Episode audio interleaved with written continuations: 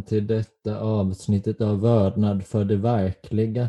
Och som bekant är titeln på podcasten ett sätt att förklara vad filosofi är för något och kanske egentligen all konstnärlig verksamhet och podcastens koncept är inte svårare än så att jag har en gäst per avsnitt som jag talar filosofi med och idag har jag med Sebastian Karlsson. Välkommen hit!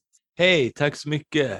Ehm, och som du ju då vet eftersom du lyssnat på podcasten brukar jag öppna med att fråga om den här titeln. Då. Och då du håller ju på med flera konstformer så jag tänker att vi behöver inte tänka filosofi utan konst överhuvudtaget. Vad tycker du om detta som en beskrivning av det? Jo, jag, jag tycker det är, det är bra egentligen men för mig personligen är ju konst och eh, eh allting som har med att uttrycka sig konstnärligt egentligen någonting som, som är förbundet med fantasins värld snarare än det verkliga och att det är där den ska hålla sig egentligen och eh, försöka ja, vara, vara så lite del av, eh, av det verkliga som, som möjligt egentligen. Mer än att det måste såklart, eh, ja till exempel om någon ska lyssna på det man har gjort med musik eller även som den här podcasten så måste det ju på något sätt produceras eh, och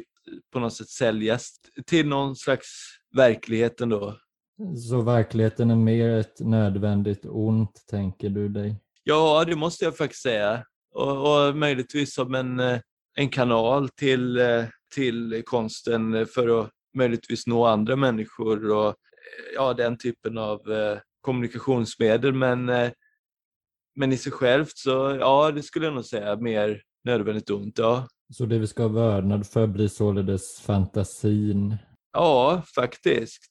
Men, men eh, jag tycker ju fantasin ska ju på något sätt verka på det sättet att den på något sätt ändå har vördnad för det verkliga. Så, att, så jag håller ju ändå med om det i slutändan. Ja, för jag tänker mig att det är lätt att se fantasi och verklighet som kontraster någonstans, men jag ser snarare fantasin som grunden för att vi överhuvudtaget har en verklighetsuppfattning. För det är ju en väldigt avancerad sak egentligen att ha en uppfattning av att det finns en verklighet, något som kanske ligger utanför en själv och liknande. Jo, absolut. Det kräver ju en viss eh, fantasi för att ja, få grepp om det. Och det, ja, det är väl det som är filosofin egentligen, att göra verkligheten till en saga eller någon typ av ja, fantasi egentligen och att de ska kunna växelverka på något sätt. Ja, det, det finns ett roligt citat av Hegel när en av hans elever sa till honom när han hade ett så avancerat filosofiskt system att men tänk om du faktiskt har fel, tänk om verkligheten inte är beskaffad på detta sättet och så svarar Hegel enligt den här myten i alla fall att ja, desto värre för verkligheten. Ja, jo, det är sant. Eh, han står på min sida, Hegel, kan man väl säga. I den eh, frågan åtminstone. Ja, ja, i den frågan. Annars vet jag inte. Vi ska ju då tala här en del om, om din bok då Dygnet som kom ut i fjol. November. Ja, men innan vi går in på det då, den andra obligatoriska frågan som du har kommit att bli är ju detta hur du kom in på, i detta fallet konst då framförallt, eller ja, det kanske är en ja. felställd fråga då du kanske inte ens har kommit in på, på det, men ja. Det är ju egentligen ingenting jag kan säga som någon, någon specifik tidpunkt eller att ja, det var där man förstod på så eller att man tog del, alltså som utövare av det kan jag absolut säga sådana tidpunkter, men just som, som lyssnare eller som, eh, som åhörare eller liknande så, så tycker jag det är väldigt, verkligen väldigt tidigt i livet. Det var ju man eh, kom, kom i kontakt med musiken via att vår mamma lyssnade på, ja lyssnade på musik hemma och man tog del av filmer, ja, alltså typiska konstupplevelser egentligen man ser bilder, eh, böcker såklart också som ja, barnböcker såklart på den tiden. Och det, är en väldigt, det är ju inte egentligen att man bara utsätts för det i en viss ålder utan det, det kommer ju verkligen från, från början. Och sen på något sätt så upptäcker man ju det på, på sitt sätt. Så att man ja, man hittar ju sen vilka, vad som är ens egen musiksmak eh, allt eftersom. Och även att eh, Eh, man kan inte alltid heller skilja mellan vad som är ens egen smak och vad som är andras för man får ju påverkas ju av, av folk i ens närhet också såklart vad de lyssnar på, vad de tycker om och även vad man inser vilka saker man inte tycker om är ju kanske lika viktigt nästan. Och eh, ja men min kontakt med att hålla på med det är ju att jag försökte lära mig lite instrument när jag var liten men det var inget som i skolan, alltså var musikskola, det var ju, jag tyckte det var ganska tråkigt eftersom det var så påtvingat. Utan det var ju någonting jag upptäckte sen när jag lånade mammas akustiska gitarr och eh, tog ut lite låtar eh, när jag var ja, 15 var jag väl. Ja, ja, och sen upptäcker man det ju att man har en vilja att göra egen musik och skriva musik och de grejerna och eh, eh, ja, då blir det så. Och, eh, och det här med skrivandet, det är ju någonting som jag har eh, upptäckt på, egentligen på senare år. Eh, att, det, att det finns ett egenvärde i det också. Att det, ja, det är väldigt häftigt faktiskt att, att skriva också. Ja, det är ju intressant det med, vi talar om verklighet och fantasi där att musik platsar ju bättre in på den synen på att det handlar om fantasi för, eh, i och med att det inte riktigt går att ta på vad musiken är. Men, men, men, men med texten blir det ju mer att man måste beblanda sig med något verkligt eftersom ändå orden i någon mån försöker avspegla något som är gemensamt för oss som vi ändå nästan blir tvungna att benämna för verklighet. Ja, verkligen. Det är det egentligen som gör att jag eller tror jag i alla fall, jag kan inte, man vet ju inte varför man tycker om det man tycker om, men det är just det i musiken som, som ger den den extra kraften för mig att eh, ja, den är ett par steg längre bort på något sätt från den här världen och att det känns som att den, den, dess syfte inte är att konkretisera någonting som, som finns utan snarare göra det som vi inte ens visste fanns ännu mindre begriplig på något sätt. Men ändå på, ja, på något konstigt, det finns en dubbelhet i det. Samtidigt så blir det ju nästan att göra det ännu mer obegripligt på samma, på samma gång så tycker jag ju att musiken även på något sätt gör att vi förstår till exempel våra känslor ännu mer än vad vi annars hade gjort. Så att det är egentligen fel att kalla det för alltså att man, ska, man skulle se det som att det invecklar för jag, jag tycker egentligen musiken löser väldigt många problem och ger en eh, väldigt självklar känsla eh, kring alla, allt möjligt egentligen. Ja, verkligen. Det är ett sånt, på, på det planet är det ju invecklat tycker jag eftersom det blir ett sånt mysterium och jag använder ju ofta en, ett begrepp som är atmosfär, alltså att vi ständigt möter verkligheten utifrån något annat än bara det den består av. När vi beskriver verkligheten beskriver vi inte bara jag hade den här känslan i mig och jag såg de här föremålen och jag var på väg mot detta målet. Utan egentligen är det sekundärt. Det, det, det våra upplevelser går tillbaka till är något mycket djupare än det. Och jag kan bara beskriva det genom en atmosfär, något som ringar in allt på, på ett sätt som vi egentligen har väldigt svårt att förklara. Vårt, vårt språk är inte riktigt anpassat för att vi ska kunna beskriva det här sättet att uppleva på. Det här jag tänker att musiken faktiskt kommer in i, i bilden och kan förmedla det. Inte som att den bara avbildar en, en upplevelse vi har men faktiskt något som ligger till grund för, för allting egentligen. Vad tror du om ja. det? Jo, ja, absolut. Så att det fyller luckorna på något sätt mellan, mellan allt det andra. Jag, det går ju egentligen aldrig beskriva musik utan att det låter ganska antingen pretentiöst eller lite flummigt eller eh, ja, som att man ska göra sig märkvärdig på något sätt. Eh, varför man inte skulle få det, men eh, det, man kan aldrig riktigt eh, eh, för sig själv heller förklara vad, vad, är, vad är musik. Och jag tycker ju i, eh, i skrivande, vad som är bra litteratur, så, så, det går inte heller egentligen att förklara å andra sidan, men jag tycker det är lite mer, jag tycker det är lättare att förklara en bra mening vad det är än en bra låt, eller en bra melodi rättare sagt. Man, en låt kan man väl förklara, man kan säga att man tycker eh, olika instrument och vad som låter snyggt till, till varandra. Men vad som gör en bra melodi i sig tycker jag är nästan omöjlighet verkligen.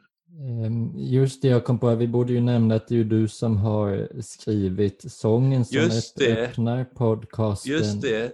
Eh, och den tycker ju jag så utmärkt fångar in vad filosofi är för något på något vänster. Jag vet inte, det, det är ju där jag kan inte säga, riktigt säga varför, men utan får säga den här då icke-filosofiska meningen att det bara är så någonstans. Ja, det väldigt roligt att höra. Den här låten gjordes ju egentligen till en eh, kortfilm som du gjorde för några år sedan, eh, Den sista människan. Ja. Och, eh, och jag minns inte riktigt vad jag hade för direktiv mer än att, att eh, det var vissa känslor den skulle förmedla. Men eh, ja, det blev någon, någon sån, eh, det kanske undermedvetet blev någon filosofisk koppling på något sätt.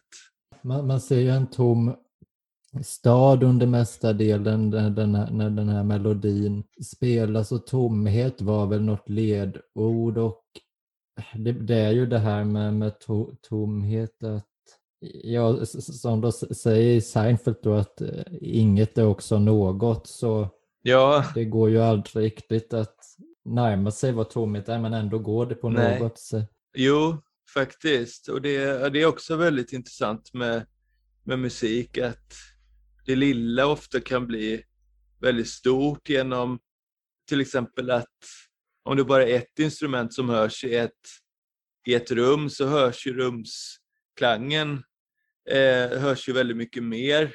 Det gör ju att, att det kan låta nästan större i och med det. Om det är många instrument så kommer de ju slåss mycket mer om ljudbilden och då, då kan det låta mycket närmare alltihopa. Men om det är bara ett instrument så ja, då kan det verkligen bli någon, ja, det är någon känsla av, kanske inte att det ekar i hela universum, men ja, just att det är ett stort, en stor plats helt enkelt runt omkring det är ju verkligen en sån effekt i musiken som det är något lite konstigt med egentligen. Eh, och just överhuvudtaget är att det, det lilla kan, eh, kan framstå som mycket större än, eh, än det stora ibland.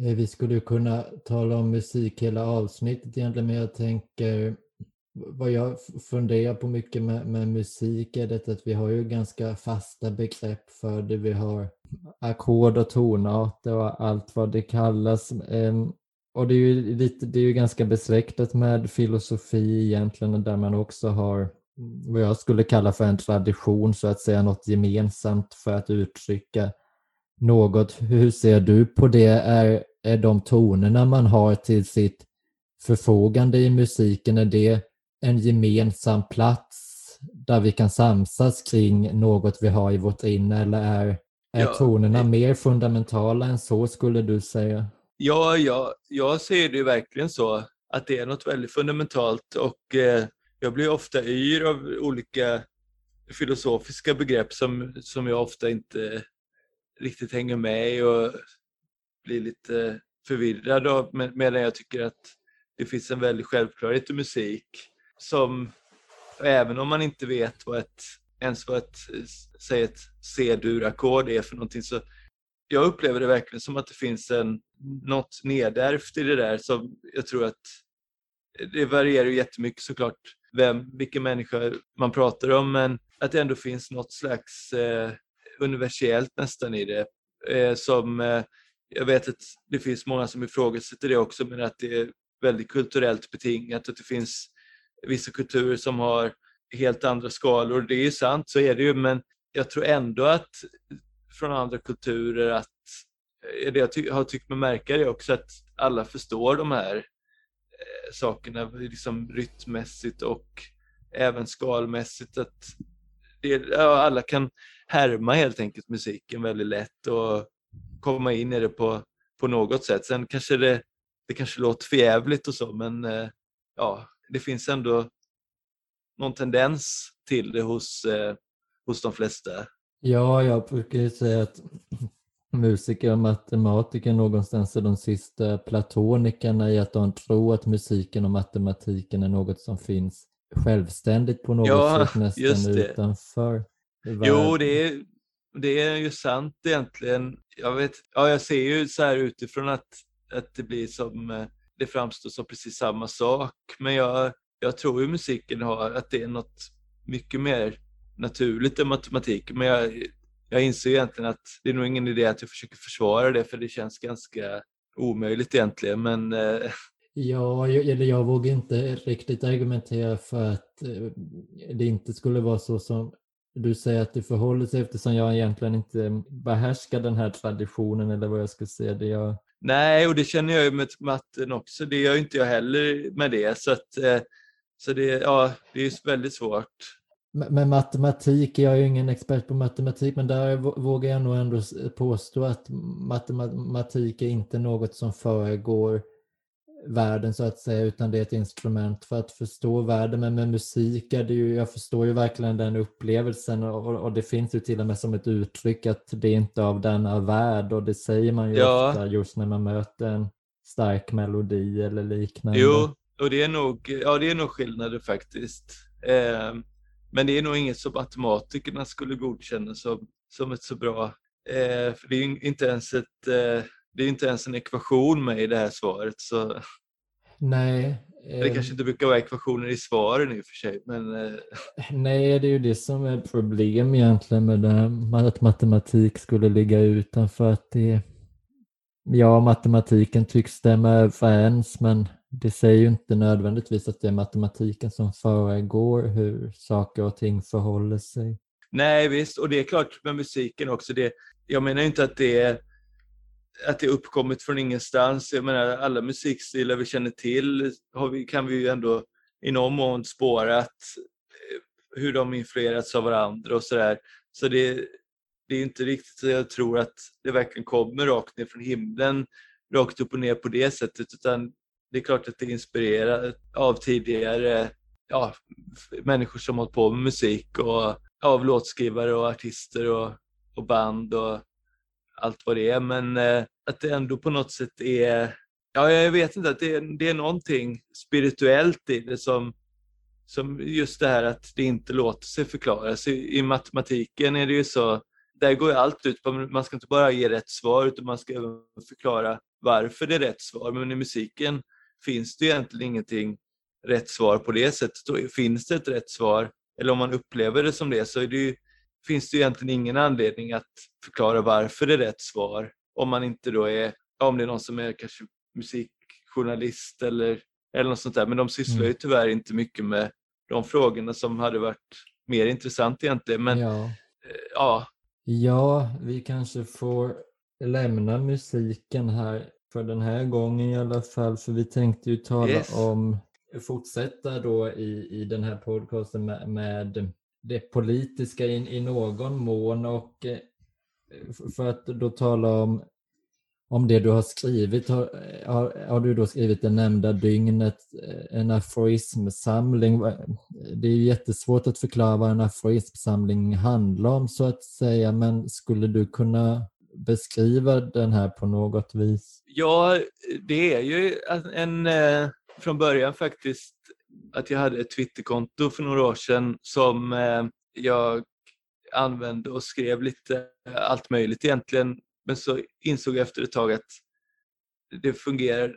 Alltså, det, vissa av de, av de här tweetsen, det var ju många dåliga eller sämre också, men vissa av dem var jag väldigt, hade jag en väldigt förtjusning över på något sätt. Att jag, jag tyckte de förtjänade att ja, inte bara försvinna i det här ja, flödet. Det blir så fort begravt allting.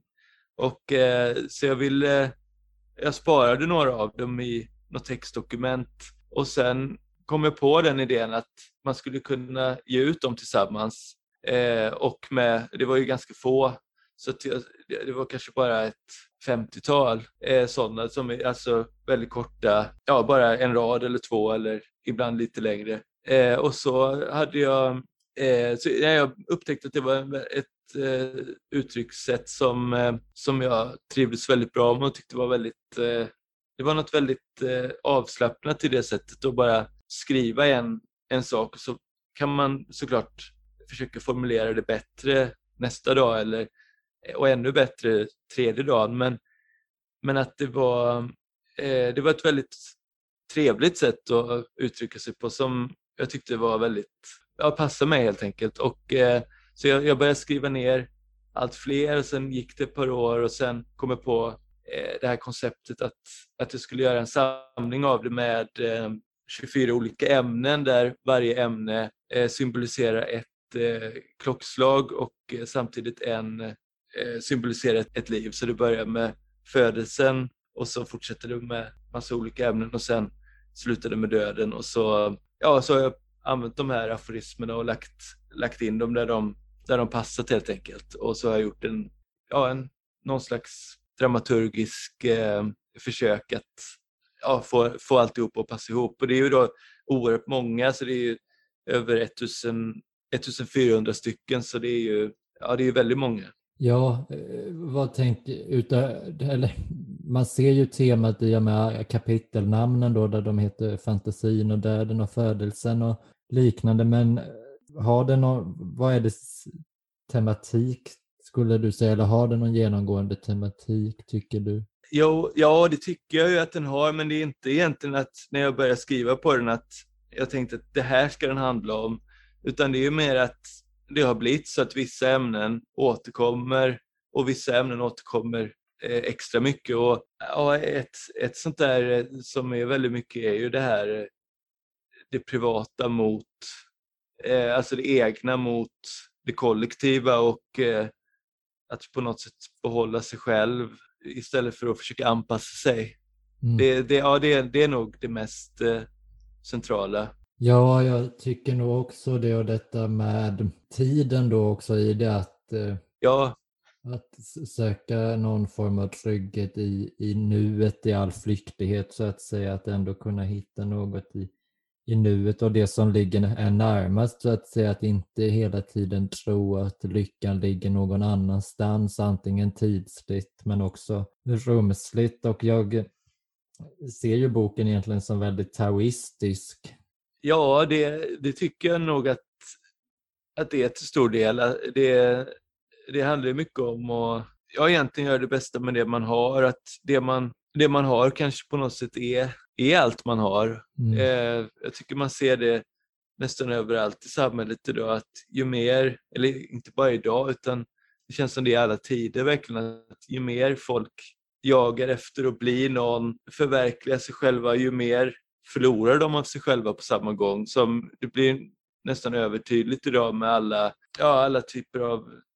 Det finns ju hur många sätt som helst egentligen att förnya sig själv och, och att eh, på något sätt Eh, förändra sig själv. Men ingen verkar må bättre av det utan det verkar ju bara bli mer och mer splittrade ju mer, ja, ju längre ifrån de kommer eh, det, det de från början är helt enkelt. Och det, det är väl det jag som, ja det är taoistiskt att eh, ja, på något sätt var, försöka hitta sig själv i det, det man redan har. Ja. Jag, jag tänker här angående, jag har hört om aforism att de uppkom närmast, eller i alla fall populariserades genom att i diskussioner bara kunna slänga ut en kort fras och så hade man i ett sällskap något att diskutera då, att man kunde tala om ett, en, kort, en kort mening bara ja. väldigt långt så jag tänker att jag börjar med att läsa en aforism och så försöker vi utgå från den och se var vi hamnar helt enkelt. Ja, den, den lyder då Fantasin är en direkt version av dina goda sidor.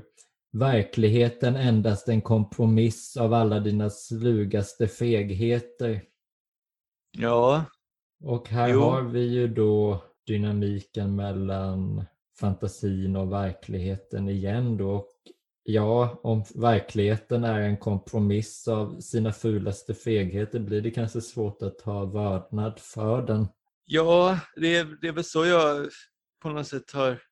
Det är, det är väl den rollen verkligheten har fått gestalta på något sätt för mig. I alla fall när jag har skrivit och sådär att har verkligheten blivit som någon typ av fiende. Mycket också till, till stor del för att det är en slags motpol till, till det här att verkligheten kräver så mycket av, eh, av människor. Att på något sätt eh, fantasin och drömmar och känslor överlag har, eh, har blivit väldigt, eller är väldigt förtryckta och anses som väldigt underordnade verkligheten som, som i sin tur eh, eh, anses väldigt eh, förnuftig. Och, men det är såklart mycket också en, en slags motpol till, till eh, att känslor och drömmar och fantasin är ju ständigt förtryckt och eh, har nog, vad jag uppfattar i alla fall, som varit i alla tider. Och, eh, så därför har, har jag väl tagit på något sätt fantasin i försvar här. Eh, Jag har ju kommit in på det en del i de tidigare avsnitten här att den här uppdelningen som ju gärna görs och, och som vi må, kanske måste göra i vårt medvetande, att vi tänker i dualiteter så mycket. Jag ser något ganska skräckinjagande i det, alltså när fantasi och verklighet skiljs åt. Ja, det, det är väl det jag tänker att, att du talar om, där med att fantasin blir förtryckt. Jag tänker på en, en sån sägning jag vet inte hur vanlig den är nu för tiden men det finns ju på oavsett vad och, och eh, det är en sägning jag tror de flesta har hört om, om ett barn, om ett barn har för livlig fantasi som inverkar för mycket på dess liv och på sin omgivning, att barnet måste kunna skilja på fantasi och verklighet och där någonstans uppkommer ju den här dualiteten och som jag sa eh, sa förut så tror jag snarare att fantasin är grunden till verklighetsuppfattning eftersom verklighetsuppfattning är något väldigt avancerat. Så, så jag förstår helt vikten i att faktiskt försvara fantasin men jag skulle väl ändå säga att slutmålet är att förena fantasin och verkligheten. Vad tänker du om det? Jo, verkligen. Och jag, där tror jag ju att det är just konsten som, som har den rollen verkligen att kunna, ja, kunna förbinda verkligheten och fantasin och alltså utövandet av konst. Men det kan ju vara alltså, eh, som, eh, ja, som åhörare eller alltså, ta del av det. Och där kan man kanske ändå se någon positiv tendens i människans historia att alla kulturer tycks ju faktiskt kräva konst i någon form. Ja, faktiskt. Jag tänker kopplat till, till politik då, eller det samhälleliga mer som, som ju uppkommer, eller framträder mycket i boken, att det blir en konflikt mellan då som du var inne på kollektiva intressen eller samhällsintressen och den enskildas intressen, dess drömmar och dess fantasier.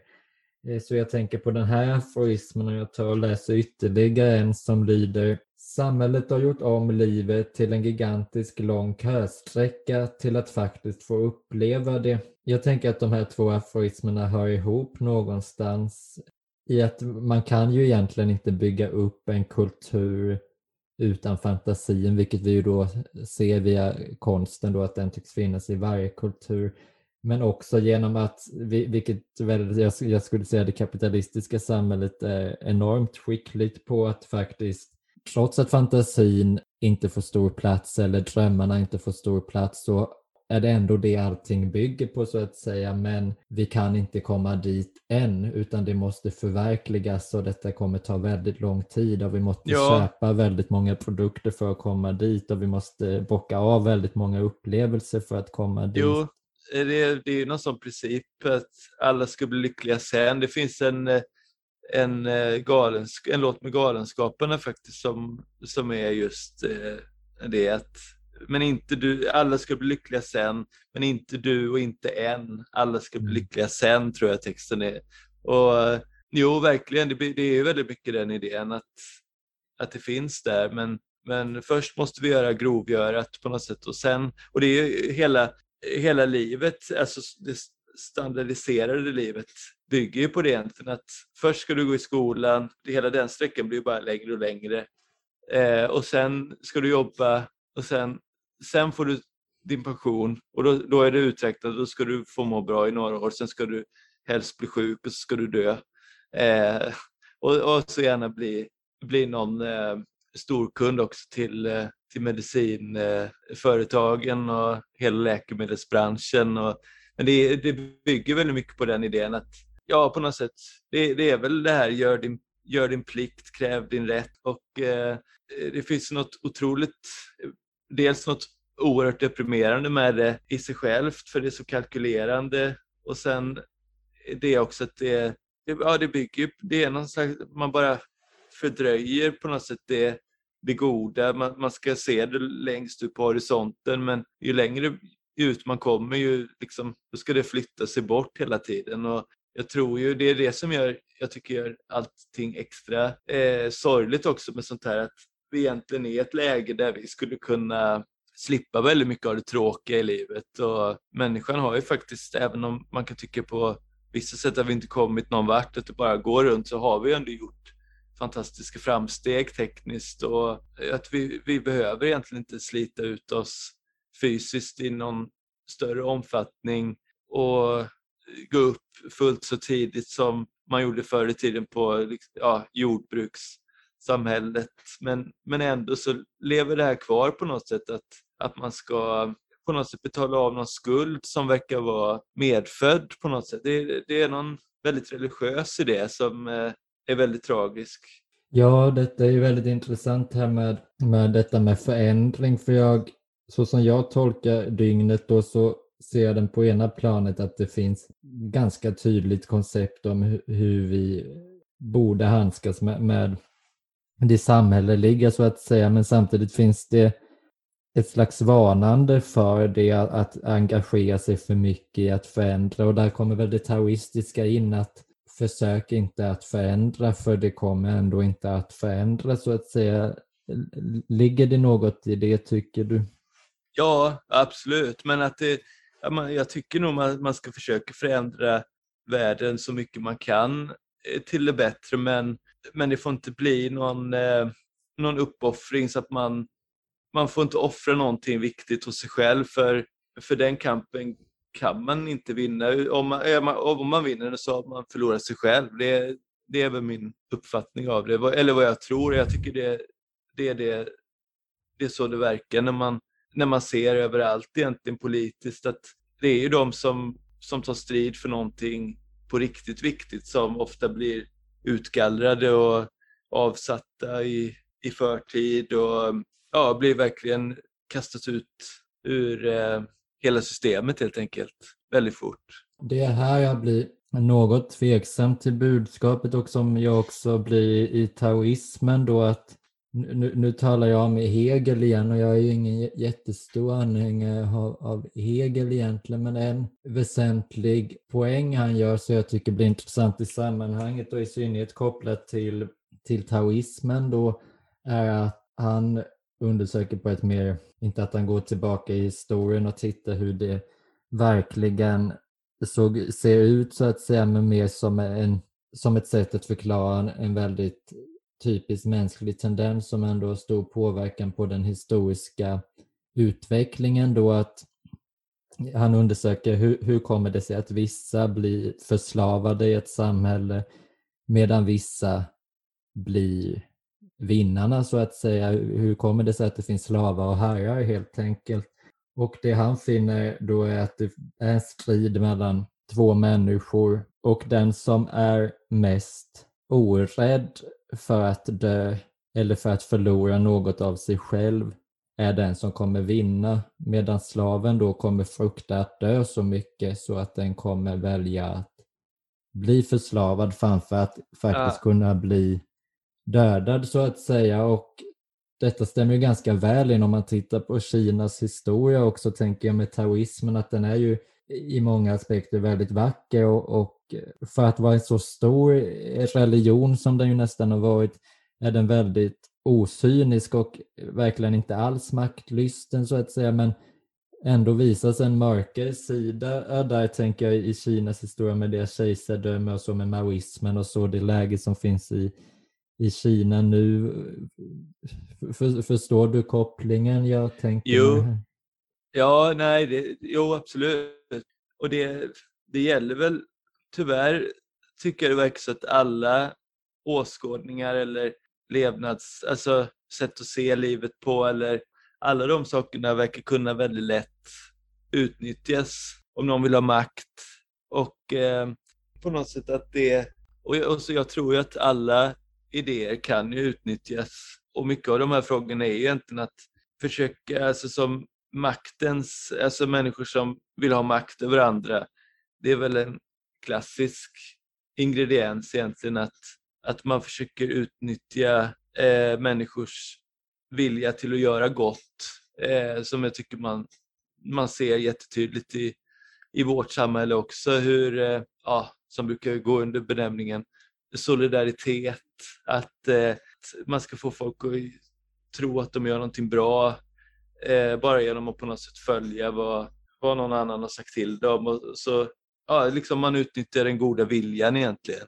Jag, jag, jag tänker väl här på kanske i synnerhet det Alltså att det finns nu naturligtvis en god poäng i att inte offra sig själv så att säga. Och, men samtidigt vad kan en politisk rörelse eh, egentligen uträtta om de människor den består av inte är beredda att offra något? Ja, nej, det är, väl, det är väl den här frågan egentligen samma som om ingen går till jobbet när det är krig så blir det inget krig. Liksom om, om ingen vill ha krig så blir det inget krig. Men problemet är om någon vill ha krig så blir det ändå krig. Och, och det är väl samma där egentligen. Att jag tror jag hade, hade verkligen varit den grundsynen att man på något sätt värderar sig själv så pass högt att man, man inte tillåter att bli offrad på något sätt, vad, vad den handlar om egentligen, vare sig i religionens namn eller politiskt eller ja, sådana grejer. Så då har det ju funkat, men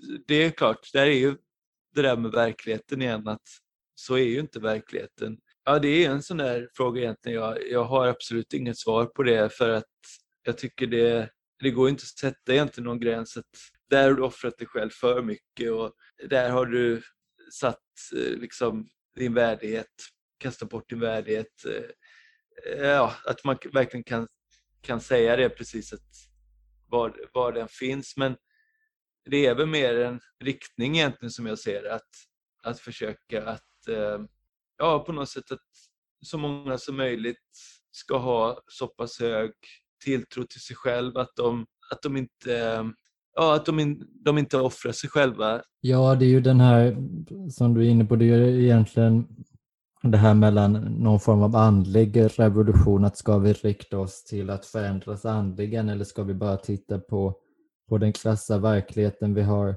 framför oss? Men jag tänker om vi tittar på den verklighet vi har framför oss, om vi tar, som jag kommer in på ofta i podcasten här och så, när vi talat också med, med exempelvis miljöfrågan, ja då menar jag verkligen miljöet, alltså om haven förstörs och liknande, vilket ju allt pekar på att de, de gör nu att det är ju en sån här dödsrädsla ännu mer från klimatet då att man är, är så rädd för att dö men ändå är man så ovillig att förändra något och dessutom om man förändrar något exempelvis via en revolution eller vad det nu kan vara då är man rädd att det blir ännu värre för då kan det kanske bli ett atomvapenkrig eller liknande. Jag tänker att de senaste ungefär 75 åren egentligen efter andra världskriget har det gemensamma politiska projektet just varit alla människors rädsla för att dö någonstans. Så det är ju på ett sätt jo. ganska god idé att bygga något kring, för det är väl det mest gemensamma som finns med alla medvetna livsformer, att de är så rädda för att dö. Det är något som kan förena oss, men det används ju av av en specifik elit så att säga som, jo, så, verkligen. Så, som just kan använda det att detta är den enda vägens politik har man ju till och med uttryckt. Det finns inget annat sätt än detta för då blir det kommunism eller nationalsocialism och det är fruktansvärda idéer. Vi ska egentligen inte tro på något stort. Vi ska inte tro på något som kan riskera vår egen död. Så jag tänker att det är en väldig fördel egentligen mot, för de som är emot ett system att faktiskt upphöra att vara rädda för döden. Jo. Jag tror att det är en av, en av de stora anledningarna till att kristendomen kunde ta över hela västvärlden egentligen, är att de, deras dödsrädsla kan kanske inte försvann, men det blev, inte, det blev verkligen inte det största som kunde hända och dö så att säga. Ja, det är väl väldigt sorgligt att det har utnyttjats så mycket av eh, till sådana anledningar. Och rent strategiskt är det ju tyvärr, får man väl säga, så att de som är minst rädda för att förlora det de håller kärt är de som kommer att nå mest framgång. Eh, både privat såväl som folkgrupper av olika slag. Och jag tror egentligen att rädslan för att dö för någonting yttre som egentligen inte har så mycket med en själv att göra. Att det är just det som skapar en, en slags eh, nödvändig terrorbalans där, eh, där på något sätt det, det högsta värdet i slutändan blir en själv och de människorna man har i sitt liv. Eh, att, att det så att säga är ganska självreglerande när, när det gäller att förändra samhället och att eh, förändringen kommer genom att människor bara är sig själva och, och tillåter sig att vara det. Sedan kan man såklart fråga sig om vissa förändringar kanske är så nödvändiga att vissa människor kommer att behöva offra sig för dem. Men eh, jag tror inte det ändå, för sådana förändringar som bygger på sånt som att folk ska ge upp sina liv eller offra det de är och så att säga bli någon slags martyrer för kulturen, tror jag kommer leda till ett minst lika dåligt samhälle som, eh, som det vi lever i nu, där eh, den kollektiva skulden kommer bestå. Eh, så jag vill nog egentligen mena att ska man offra någonting så ska det vara någonting inifrån en själv, någonting som, eh, att så att säga endast den inre uppfattningen är värd att offra livet för. Och först egentligen då när världen inifrån har hela befolkningar som ser egenvärden i sina egna liv, som förstår att livet faktiskt är en fantastisk och unik gåva. Det är ju faktiskt en, ja, så nära en gudagåva man kan komma egentligen. Först då så tror jag att vi kan börja bygga någonting meningsfullare och vackrare än det här. En värld där människor på något vis fattar att, att de alla är sin egen del Gud.